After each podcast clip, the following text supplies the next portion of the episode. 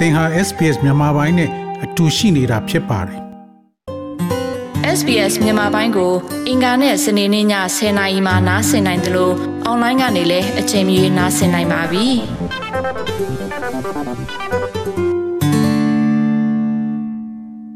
ကရင်ပြည်နယ်တောင်ရင်မြစ်အနီးကစစ်ပေးရှောင်စခန်းတစ်ခုမှာဒေသခံတွေရာနယ်ချီခိုလုံနေရပါတယ်။နေရက်ကိုသူတို့စွတ်ခွာခဲ့ရတာရက်ပေါင်းတရာတိုင်ခဲ့ပါပြီ။ ရာသီဥတုတံခံနိုင်တဲ့မိုးကတဲတွေမှာပဲမိသားစုလိုက်နေထိုင်ရင်ဒီရက်တွေကိုဖျက်ဆီးခဲ့ရတာပါ။ဒီစစ်ရှောင်စခန်းကိုမရောက်ခင်နေ့ရက်တွေမှာလည်းတနက်တန်တွေကြားကနေဘေးလွတ်ရာကိုအဆင့်ဆင့်ပြေးခဲ့ကြရပါတယ်။အနီးအနားကိုတိုက်ပွဲတွေရောက်လာတိုင်းရှောင်ခဲ့ရတာကြောင့်တက်ကြီးရွယ်ဦးတွေကလေးငယ်တွေနဲ့မတန်ဆွမ်းသူတွေအတွက်တော့ပုံမအခက်အခဲကြုံခဲ့ရပါတယ်။ဒီလိုအခက်ကြုံနေရတဲ့အထက်အပါဝင်ဖြစ်တဲ့အမြင့်အာယုံမတန်ဆွမ်းသူနှုတ်ရဲ့အမဖြစ်သူကကြုံတွေ့ကြတာတော့အများကြီးပဲပေါ့လေ အဲ့ဒီမဝခရနေပြလိုက်တာဘလူးကြီးဘလူးကြီးကြတော့အေးမလားဆိုတော့မအေးဘူးအနောက်ကပြစ်တော့မှောင်ရီလက်တန်းတော့ကားပေါ်အလူတရက်နဲ့ကိုယ့်အတက်ကိုကိုရှင်တန်ရေးကိုကြော်ဖြတ်ပြီးတော့အတင်းကားတွေအလူတရက်တက်ခဲ့ရတယ်ဒီကြားထဲနောက်တစ်ခါလမ်းမလို့လမ်းမချော်တွေလဲခလုတ်တွေတိုက်ကားပေါ်ကပြုတ်ကြအဲ့ဒဏ်ဓာတ်ကြက်တွေလဲခုမှပဲပြောက်တယ်ပေါ့အဲ့ဒီကနေဘယ်ရောက်လဲဆိုတော့ဘူစာလုံးစကန်ဘူစာလုံးစကန်ကြတော့လေဒီလိုပဲပြစ်ဟာခတ်ဟာဆိုတော့အကြီးတို့ထိုင်းမကန်ကိုကူးတယ်နှစ်ချမ်း ကူးတဲ့အခါကျတော့အမှတမန်နဲ့လူရပြစ်ကြံနေတော့သွားလာတာအခက်ခဲလေးတွေကျုံနေချော်လဲဒီတဲ့ပြုတ်ကြခလေးတွေကဆယ်လိုက်ဖို့တကြီးရွယ်အိုတွေကိုတွဲပို့တာပေါ့သူတို့ပခက်နဲ့ထမ်းပို့တယ်အပေါ်တွဲတင်တယ်တခါအဲ့ဒီပြေးပြန်တော့တခါအဲ့ဒီပဲစခန်းရောက်တော့လဲဒီလိုအနောက်ကပြေးလို့အဲ့ဒီထိုင်းဘက်ကန်လှမ်းကြော်ပြီးတော့ကြီးကြီးကြလို့ပြေးရတာချွေးတောင်ပြန်တယ်တခါဖျားတယ်ဒုက္ခပေါင်းဆုံးခလုတ်တွေတိုက်ဘယ်ကနေပြစ်မလဲဘယ်ကနေခတ်မလဲဆိုတော့ကိုယ့်ရင်ထဲမှာအမြဲပဲ ခေါင်းထဲမှာရောက်နေတယ်။အော်တကောင်ပြေးရမလားတနွဲပြေးရမလားဆိုတာကိုကိုကိုမသိနိုင်ကြဘူးလေ။ကွာမသိနိုင်တဲ့အခါကျတော့ကွာနားကိုပြားပြီးချလို့အိတ်လို့မရဘူး။တစ်ချက်လောက်ပြစ်လိုက်တာနဲ့အောင်မလေးပြီးကြရော။ခမင်းနေမစားဘဲနဲ့ရင်တွေတုံးကချွေးနေပိုင်းတွေကြာလာတယ်။ပြီးတော့ထိုင်တောင်ငုံမိတယ်။အော်ဒီဒုက္ခကြီးရတယ်မြန်မြန်ကျွတ်လို့ပါစေ။ကိုမပြေးနိုင်တော့ဘူးလေ။မပြေးနိုင်တော့ဒီလိုပဲဆုကောင်းတယ်ဒီစစ်ရှောင်စခန်းမှာခိုလုံနေကြရသူတွေတဲ့ငင်းချင်ရင်မြို့တော်လို့ခေါ်တဲ့လိဂစ်ကော်မြို့တစ်ကဒေသခံအများစုပါဝင်ပါတယ်။ ဒီမြို့ကိုကရင်မျိုးသားစီယုံ KNU နဲ့ကရင်ပြည်နယ်အစိုးရတို့ကငင်းချင်ရေးတိစောက်ဖို့ကြိုးပမ်းဆောင်ရွက်တဲ့အထိမ်းအမှတ်အနေနဲ့တိစောက်ခဲ့ကြတာပါ။ဒီလိုတိစောက်ခဲ့ကြရမှာလဲ KNU ဥက္ကဋ္ဌဗိုလ်ချုပ်ကြီးစောမှုတူစီဖို့နဲ့ကရင်ပြည်နယ်ဝန်ကြီးချုပ်ဦးစောမင်းတို့ကိုယ်တိုင်အုပ်မြစ်ချတိစောက်ခဲ့ကြတာပါ။ဒီမြို့ကိုစတင်အုပ်မြစ်ချတဲ့နေ့ရက်ကတော့2015ခုနှစ်ဖေဖော်ဝါရီတရက်ပါမြို့တည်တဲ့6နှစ်ပြည့်တဲ့နေ့မှာပဲစစ်ကောင်စီဟာနိုင်ငံရဲ့အာဏာကိုအတ္တမသိမ်းယူခဲ့ပါတယ် မြို့တည်တက်တန်း9နှစ်ကျော်ချိန်မှာတော့ငင်းချင်ရင်မြို့တော်ကဒေသခံတွေဟာစစ်ကောင်စီရဲ့ထိုးစစ်တွေအကြားတနေရာပြီးတနေရာထွက်ပြေးတိမ်းရှောင်နေကြရတာပါဒါကြောင့်လက်ရှိအချိန်မှာစစ်ပေးရှောင်ဘဝရောက်နေတဲ့ပြည်သူတွေအတွက်ဦးစားပေးစဉ်းစားသင့်တယ်လို့လိခိကောမြို့တဲ့အုပ်ချုပ်ရေးမှူးစောထေမြင့်အောင်ကဆိုပါတယ်တနိုင်ငံလုံးတိုင်းတာနဲ့သွားတဲ့ကျွန်တော်တို့ဒါနိုင်ငံရေးအပြောင်းလဲတစ်ခုပေါ့နော်သို့တော်လည်းဒါတောက်လျှောက်ကျွန်တော်တို့တက်တမ်းမှာလဲဒါတွေကကျွန်တော်တို့ရဲ့ဖာရမဦးဆုံးချိန်တော့မဟုတ်ဘူး အချိန်ချင်းကျွန်တော်တို့ရဲ့တက်တမ်းထက်မှာလဲတောက်လျှောက်ကခုနပြောလို့အထူးသဖြင့်တော့ဒါစစ်အာဏာရှင်တွေနဲ့ပတ်သက်ရင်ဒါတောက်လျှောက်ကြုံတွေ့နေရတဲ့ကျွန်တော်တိုင်းသားနယ်မြေတွေကဒါဖြစ်စဉ်တစ်ခုပေါ့နော်ဟိုစနစ်ကတော့ဗာစနစ်ပဲရှိနေပါစေအဓိကတော့ကျွန်တော်တို့ကဒီပြဿနာကိုကျွန်တော်တို့ကတီတီငိမ့်ငိမ့်နဲ့ခုနပြောလို့နွေးနွေးထွေးထွေးနဲ့ဆွေးနွေးညှိနှိုင်းနိုင်တဲ့ယဉ်ကျေးမှုတစ်ခုထုံကောင်းအောင်ကျွန်တော်တို့ဖော်ဆောင်နိုင်ရင်တော့ဒါတွေကကျွန်တော်တင်နေ အဆင်ပြေမယ်လို့ပြောချင်ပါတယ်လက်ရှိအခြေအနေကတော့ဒါအရှိတရားရဖြစ်ခဲ့ပြီးပြီဖြစ်နေပြီဆိုတော့ကျွန်တော်တို့ဒါတွေကိုကျွန်တော်တို့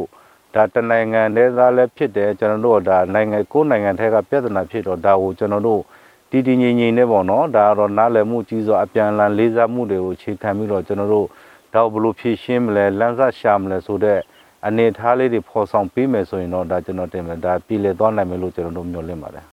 အာနာသိန်းစစ်ကောင်စီရဲ့တပ်တွေဟာလိကိကောမြို့အတွင်းကိုပြီးခဲ့တဲ့နှစ်ဝက်ပိုင်းကစလို့တိုက်ပွဲမစတင်မီဒီဇင်ဘာလလယ်အထိခုနှစ်ကြိမ်တိုင်တိုင် PR ပေးဝင်ရောက်ခဲ့ပါတယ်။ခုနှစ်ကြိမ်မြောက်မှာတော့လိကိကောမှာခိုလုံနေသူတွေနဲ့ဒေသခံအချို့ကိုအကြမ်းဖက်ဖမ်းဆီးရာကတစဉ်တိုက်ပွဲတွေစတင်ခဲ့ကြတာအခုဆိုရင်ရက်တရားတိုင်ခဲ့ပါပြီ။တပ်မဟာ6နယ်မြေအတွင်းမှာလည်းမက်စလာအတွင်းကစပြီးတိုက်ပွဲတွေတစတစပြင်းထန်လာခဲ့တယ်လို့ဒေသခံအများပြားလည်းစစ်ပေးရှောင်နေကြရတာပါ။ လက်ရှိအချိန်ထိဆိုရင်ကရင်ပြည်နယ်အတွင်းဒေသခံနှစ်သိန်းကျော်ဟာနေရက်စွန့်ခွာထွက်ပြေးနေရတယ်လို့ကရင်အမျိုးသားအစည်းအရုံးဗဟိုကော်မတီဝင်ဘရိုစောတော်နီကဆိုပါတယ်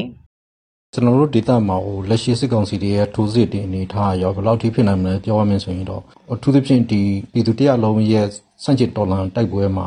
ဒီနေရာတွေကတိတ်ပြီးတော့အရေးပါတယ်ဘာလို့လဲဆိုတော့ဘောလဲနဲ့ကင်တိုက်ပွဲနဲ့ဝင်နေဆိုတာ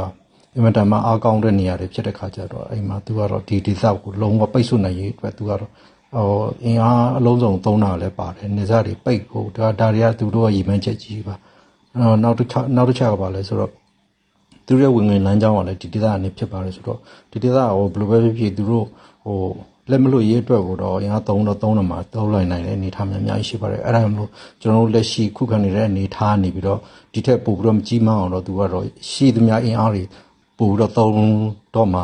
ဖြစ်တယ်လို့ကျွန်တော်တို့ယူဆတယ်ဘာဖြစ်လဲဆိုတော့ကျွန်တော်တို့အနေအထားတိတစ်ချက်ကဟိုပြည်သူတော်လှန်ရေးအတွက်အင်မတန်အားကောင်းတဲ့နေရာဒေသဖြစ်တယ်နေဇာတိတာကိုထိန်းချုပ်လို့ရတယ်ဒုတိယအချက်ကသူကသူ့ရဲ့ဝင်ဝင်လမ်းကြောင်းဖြစ်တဲ့ကုံတွေရနေပြီးတော့သူလုံးဝကိုခပ်မပြတ်သွားအောင်တော့သူဟိုအဲ့ဒါကိုစိုးရင်စိတ်ရှိတယ်တတိယအချက်ကဒီဒီဒီတာဒီသာဆုံးရှုံးသွားမယ်ဆိုရင်ကျွန်တော်တို့ရဲ့ပင်လယ်ထွက်ပေါက်တွေကဒီနေရာဒေသတွေဖြစ်တယ်ဆိုတော့သူကတော်တော်လေးကိုဒီအထိတွေး ထားမယ်လို့ကျွန်တော်တို့ယူဆပါတယ်အဲ့ဒါကြောင့်မို့သူရှိသမျှအောင်အင်အားနဲ့ပုံပေါ်တော့မှာဖြစ်ပါတယ်ဒီလိုတိုက်ပွဲတွေကြားမှာလေကစ်ကောထီမဲဝါခီဖက်လူကြီးဖက်လူလေးမင်းလက်ပံနဲ့ရတိကူစတဲ့နေရာတွေကဒေသခံတွေဟာနေရက်ပြန်နိုင်မှုမလွယ်ကူခဲ့ပါဘူးစီဘေးဆရှောင်းကလေးကခုလုံခဲ့ရတဲ့မိုးကတဲတွေမှာပဲရာသီဥတုတံမုန်တိုင်းနဲ့မိုးလေတံတွေကိုရင်ဆိုင်ခဲ့ရပါတယ်စစ်ရှောင်းစခန်းအတွင်းမြေဆိုင်တဲတွေနဲ့နေရတဲ့အနေအထားမှာလည်းကျန်းမာရေးထိခိုက်သူတွေများပြားလာနေပါတယ် လက်တလောဖြစ်ပွားနေတဲ့ COVID-19 မျိုးကွဲသစ် Omicron ကိုလည်းစစ်ဘေးရှောင်ရာနဲ့ချီကူးစက်ခံခဲ့ရပါတယ်။လက်ရှိမှာတော့ရာသီဥတုတန်ခမ်းနေအိမ်တဲတွေကိုဆောက်လုပ်နေရသလိုတခြားလိုအပ်တဲ့အကူအညီမှုတွေလှုပ်ဆောင်ပေးဖို့လိုအပ်နေတယ်လို့စစ်ဘေးရှောင်တူဖြစ်သူမတ်သီရီကပြောပါတယ်။ဒီလေကိတ်ကောင်ကလူတွေစစ်ပေးရှောင်ရတဲ့ခါကျတော့ကိုယ်တွေလည်းပါလာတာနော်ပါလာတဲ့ခါမှာသူတို့ဒေတာခံတွေကိုဘယ်လိုပြောမလဲဟို လေးစားတာလည်းရှိတယ်အားကြတာတွေလည်းရှိတယ်နော်တနာမိတာတွေလည်းရှိတာပေါ့နော်လေးစားတာကြတော့လေသူတို့ကဟိုသူတို့နဲ့ကိုယ်နဲ့အတူတူစစ်ပေးရှောင်တာမှာသူတို့ကကိုယ်ကိုပြန်ပြီးအားနာနေတယ်ပြန်ပြီးတနာနေတယ်အာဆင်မတို့ရန်ကုန်မှာဆိုရင်ဒီလိုမနေရဘူးပေါ့နော်ဒီမှာသူတို့နဲ့အတူတူလိုက်ပြီးတော့ဒီလိုအမိုးကာမီအောက်မှာနေနေရတယ်ဆိုပြီးသူတို့ကကိုယ်ကိုပြန်ပြီးတော့ အာနာနေတာတွေမြင်တဲ့အခါမှာအော်သူတို့ရဲ့စိတ်ထားလေးတွေကပေါ့နော်တအားကိုယူသားဖြူစင်ပြီးကိုယ်တွေပေါ်မှာတအားကောင်းတယ်ဆိုရင်သူတို့အဲ့လိုလေးစားအားကြတာလည်းရှိတယ်နော်တနာတဲ့ခါကျတော့တနာတာကြတော့ပေါ့နော်သူတို့ကဘာပြစ်မှမလုပ်ထားဘူးဘာမှလည်းသူတို့ကပြုလို့ကျူးလွန်ထားတဲ့အပြစ်တွေမရှိဘဲနဲ့ပေါ့နော်ဒီစစ်အာဏာရှင်တွေရဲ့တစ်ဖက်သက်မတရားအဲ့လိုမျိုးရုံမာမှုရက်စက်မှုတွေကိုသူတို့လည်းခံရတဲ့ခါမှာအဲ့လိုတိုင်းရင်းသားတွေလည်းဖြစ်ပေါ့နော်ရိုးလဲရိုးသားတဲ့ခါမှာသူတို့တအားတဲ့တနာတယ်ပေါ့နော်ဟိုကိုယ့်ထက်ဆိုင်ပေါ့ တစ်သက်လုံးလို့ဖြစ်နေတာပေါ့နော်သူတို့ဟိုဘိုးဘေးပြပြင်ကြတဲ့ဆရာနာရှင်တွေကသူတို့ပေါ်မှာရက်ဆက်ခဲ့ရုံမာခဲ့ကိုရီးယားခုမှကြုံရတာဆိုတော့သူတို့ကျတော့သားစီမြေဆက်လို့ဖြစ်သွားတယ်ကိုကကျတော့ကိုတစ်ဆက်ထဲမှာခုမှစကြုံရတဲ့ခါကျအဲ့ဒါကျတော့သူတို့ဟိုတိုက်အဲ့အဲ့လိုမျိုးကျတော့ကိုတနာတယ်ပေါ့နော်အဲနောက်ပြီးတော့ဘယ်လိုပြောမလဲဟိုသူတို့အိမ်ပြန်ချင်နေပေမဲ့လည်းသူတို့ရဲ့တော်လိုင်းတက်သားတွေအတွက်နဲ့ပတ်သက်တယ်ဆိုလို့ရှိရင်လည်းသူတို့စိတ်ကချက်ချင်းပြောင်းသွားတယ်ဟာမပြန်တော့ရတယ်လို့အိမ်ပျက်စီးပျက်စီးဘယ်လိုပဲဖြစ်ဖြစ်သူတော်လိုင်းကိုနိုင်ဖို့အတွက်ဆိုရင်သူတို့ကသူတို့အိမ်ကိုလည်းချက်ချင်းစွန့်လွတ်နိုင်တယ်စိတ်လည်းသူတို့ကအဲ့လိုချက်ချင်းရှိတယ်ချက်ချင်းအိမ်ပြန်ချင်နေပေမဲ့လည်းတော်လိုင်းနဲ့ပတ်သက်တယ်ဆိုသူတို့ကဒီအိမ်ကိုချက်ချင်းစွန့်လွတ်ချင်တယ်စွန့်လွတ်သွားနိုင်တယ်ဆိုတဲ့စိတ်လည်းရှိတယ်အခုလက်ရှိမှာဆိုလို့ရှိရင်တော့အဖွဲ့အစည်းတွေကိုပြောချင်တာကစစ်ဆောင်စခန်းတွေကိုတက်နိုင်သမျှလိုအပ်တာတွေကိုရအောင်ကူညီပံ့ပိုးပေးစေချင်ပါတယ်စစ်အာဏာရှင်စနစ်ချုပ်ငြိမ်းမှုတိုက်ပွဲဝင်လာတာအချိန်ကြာလာတာနဲ့အမျှနိုင်ငံရဲ့ဒေသအသီးသီးဟာစစ်မြေပြင်လိုဖြစ်ခဲ့ရပါတယ်။နှစ်ပေါင်း80ကျော်ကြာပြည်တွင်းစစ်မီမှာလည်းစစ်တပ်ရဲ့ထိုးစစ်တွေကိုတိုင်းရင်းသားနယ်မြေအသီးသီးကဒေသခံတပ်တွေဟာခုခံစစ်ပွဲတွေအကြိမ်ကြိမ်ဆင်နွှဲခဲ့ရတာပါ။ လက်ရှိစစ်အာဏာသိမ်းကာလမှာတော့စစ်ကောင်စီဟာလေကြောင်းလက်နက်ကြီးလူအင်အားတွေအများအပြားသုံးပြီးဒေသအသီးသီးကိုတိုက်ခိုက်ခဲ့ပါတယ်။စစ်ကောင်စီကိုနှစ်ပေါင်းများစွာတော်လန်တိုက်ခိုက်တဲ့အထက်မှာကရင်ပြည်နယ်ဟာကာလအရှည်ဆုံးဖြစ်တယ်လို့ပဒိုစောတော်နီကအခုလိုဆိုပါတယ်။ကျွန်တော်တို့စစ်တမ်းအရှိကြာဆုံးခံခံရတဲ့လူမျိုးကကျွန်တော်တို့ကင်လူမျိုးပဲဖြစ်တယ်အဲ့တော့ဒီလိုနှစ်ပေါင်း80ကြာသည့်တိုင်အောင်ဒီလိုဒုက္ခဒုက္ခတွေခံစားလာရတယ်ဆိုတာကလည်း ဒါကိုခံစားခြင်းလို့ခံစားတာမဟုတ်ဘူးလေဒါကကျွန်တော်တို့ရင်ဆိုင်လာရတဲ့ဖြတ်တန်းမှုရအတီအထူးသဖြင့်မတရားမှုကိုလုံးဝကောင်းကောင်းကောင်းမခံမနဲ့ဒီကျွန်တော်တို့အားလုံးကိုဟိုကြော်လွားနာမယ်ဒီတရားမှုကိုတိဆောက်အောင်မယ်ဆိုတဲ့ဟာကျွန်တော်တို့အတိထဲမှာရှိလာတယ်ကျွန်တော်တို့ online စဖြစ်ကြတဲ့ဟိုကကျွန်တော်တို့ဟိုကျွန်တော်တို့အဖိုးဖွားခေအစဖြစ်တာပေါ့နော်အခုကျွန်တော်တို့အဖိုးဖွားတယ်ကျွန်တော်တို့ဒီလိုပဲသူရိုးရိုးလေးပဲပြောပါတယ် ငါတို့ကဆက်လုပ်ပြီးဒီအလုပ်ကိုဆက်လုပ်ပြီးတဲ့နောက်ကျွန်တော်တို့အဆုံးအဆုံးဟိုဆိုဒီလုံးလန်ခုလက်မှာလောက်ပစ်ထားလို့မရဘူးအဆုံးထိဟိုသွားရမယ်အောင်ပွဲခံနိုင်တဲ့အထိလောက်ရမှာပဲကျွန်တော်တို့ကောင်းကောင်းကြီးအောက်ထပ်စောဝါဦးကြီးကဒီလိုပဲပြောခဲ့တာပဲဒီဟာကြီးကငါတို့စချင်လို့စခဲ့တာမဟုတ်ဘူးမဖြစ်တာမတတ်နိုင်လို့သာကျွန်တော်တို့ဒီလမ်းကြောင်းကိုဟိုခုခံကာကွယ်တဲ့နီးလိုက်ကျွန်တော်ရင်ဆိုင်တာအဲ့ဒါကိုမို့ကျွန်တော်တို့ဘလို့မှလက်လွတ်လို့မရဘူးဆိုတော့ကဒီလိုဖြတ်တန်းခတဲ့အနေထားအခက်အခဲအားလုံးကိုကျွန်တော်အားပေးချင်တာတော့ကျွန်တော်တို့ကရင်လူမျိုးတွေအနေနဲ့ ဒီတစ်မျိုးတည်းကျွန်တော်တို့ခံစားနေရတဲ့အပေါ်မှာတော့ကျွန်တော်တို့လည်းကိုချင်းစားပါတယ်အားလုံးတော့ဟိုအမျိုးသားတော်လှန်ရေးဖွဲ့စည်းရောကျွန်တော်တို့လူထုတွေအားလုံးကိုနော်ဒီအချိန်ဒီကလဟာကျွန်တော်တို့တတော်တတိုင်းတွေလောနေပြီးတော့တော်လှန် ဟိုဆန့်ကျင်ပြီးတော့ဒီစစ်နာရှင်စနစ်ကိုအပြတ်ဖြုတ်ရမယ့်အနေအထားကိုရောက်လာတဲ့အခါကျတော့ကျွန်တော်တို့ကဘာမှလက်လျှော့လို့မရဘူးကျွန်တော်တို့ဟိုကရင်တော်လှန်ရေးဖွဲ့စည်းအနေနဲ့လည်းကျွန်တော်တို့လူထုအားလုံးနဲ့ကျွန်တော်လက်တွဲသွားမယ်ဆိုတာကျွန်တော်တို့အားပေးစကားပြောချင်တယ်ကြုံလာခဲ့သမျှဟိုခက်ခဲကြမ်းတမ်းနဲ့ကျွန်တော်တို့စေကမှုတွေကိုဘယ်လိုပဲဖြစ်ဖြစ်ကျွန်တော်ရင်ဆိုင်ကြော်လွှဲသွားပါမယ်ဆိုတာကိုတော့ကျွန်တော်အားပေးစကားပြောချင်တယ်ဗျ အာနာရှင်စနစ်ကိုတော်လှန်တဲ့ຫນွေဦးတော်လှန်ရေးကာလအတွင်းမှာလိကိကောဒေတာဟာခုခံစစ်တွေကြားလူသိများလာတဲ့နေရာတစ်ခုအဖြစ်ပါဝင်ပါတယ်။ဒီမိုကရေစီအရေးကိုမျှော်တွေးနေကြတဲ့ပြည်သူ့ကာကွယ်ရေးတပ်တွေဟာလည်းရှိတဲ့ခွန်အားနဲ့ရရလက်နက်ကိုကင်ဆွဲတိုက်ပွဲဝင်နေကြတာပါ။ဒီအခြေအနေကြားမှာပဲရက်တရာပြေလိကိကောဒေတာကန်စစ်ပေးရှောင်းတွေဟာအာနာရှင်စနစ်ချုပ်ငြိမ်းမှုအလွန်အိမ်ပြန်ခီးကိုမဝေးသောလက်အဖြစ်မျှော်လင့်နေကြပါတယ်။ ဒီသတင်းဆောင်မကိုတန်လွင်ခက်ကပေးပို့ကြတာဖြစ်ပါတယ် SBS Radio App ကို download လုပ်ပြီးနားဆင်မှတ်ချက်ပြုနိုင်ပါတယ်။ဒါရိုက်သို့မဟုတ်အချိန်မီနားဆင်နိုင်ပါပြီ။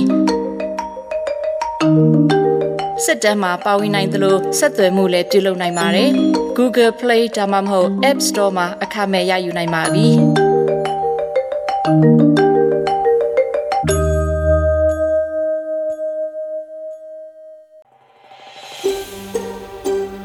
ဒါမျိုးသတင်းဆောင်မတွေကိုပိုနားဆင်လိုပါလား Apple Podcast Google Podcast Spotify တို့မှာသင်ပင်ရာဖြစ်ဖြစ်ရယူတဲ့ podcast ကနေပါ။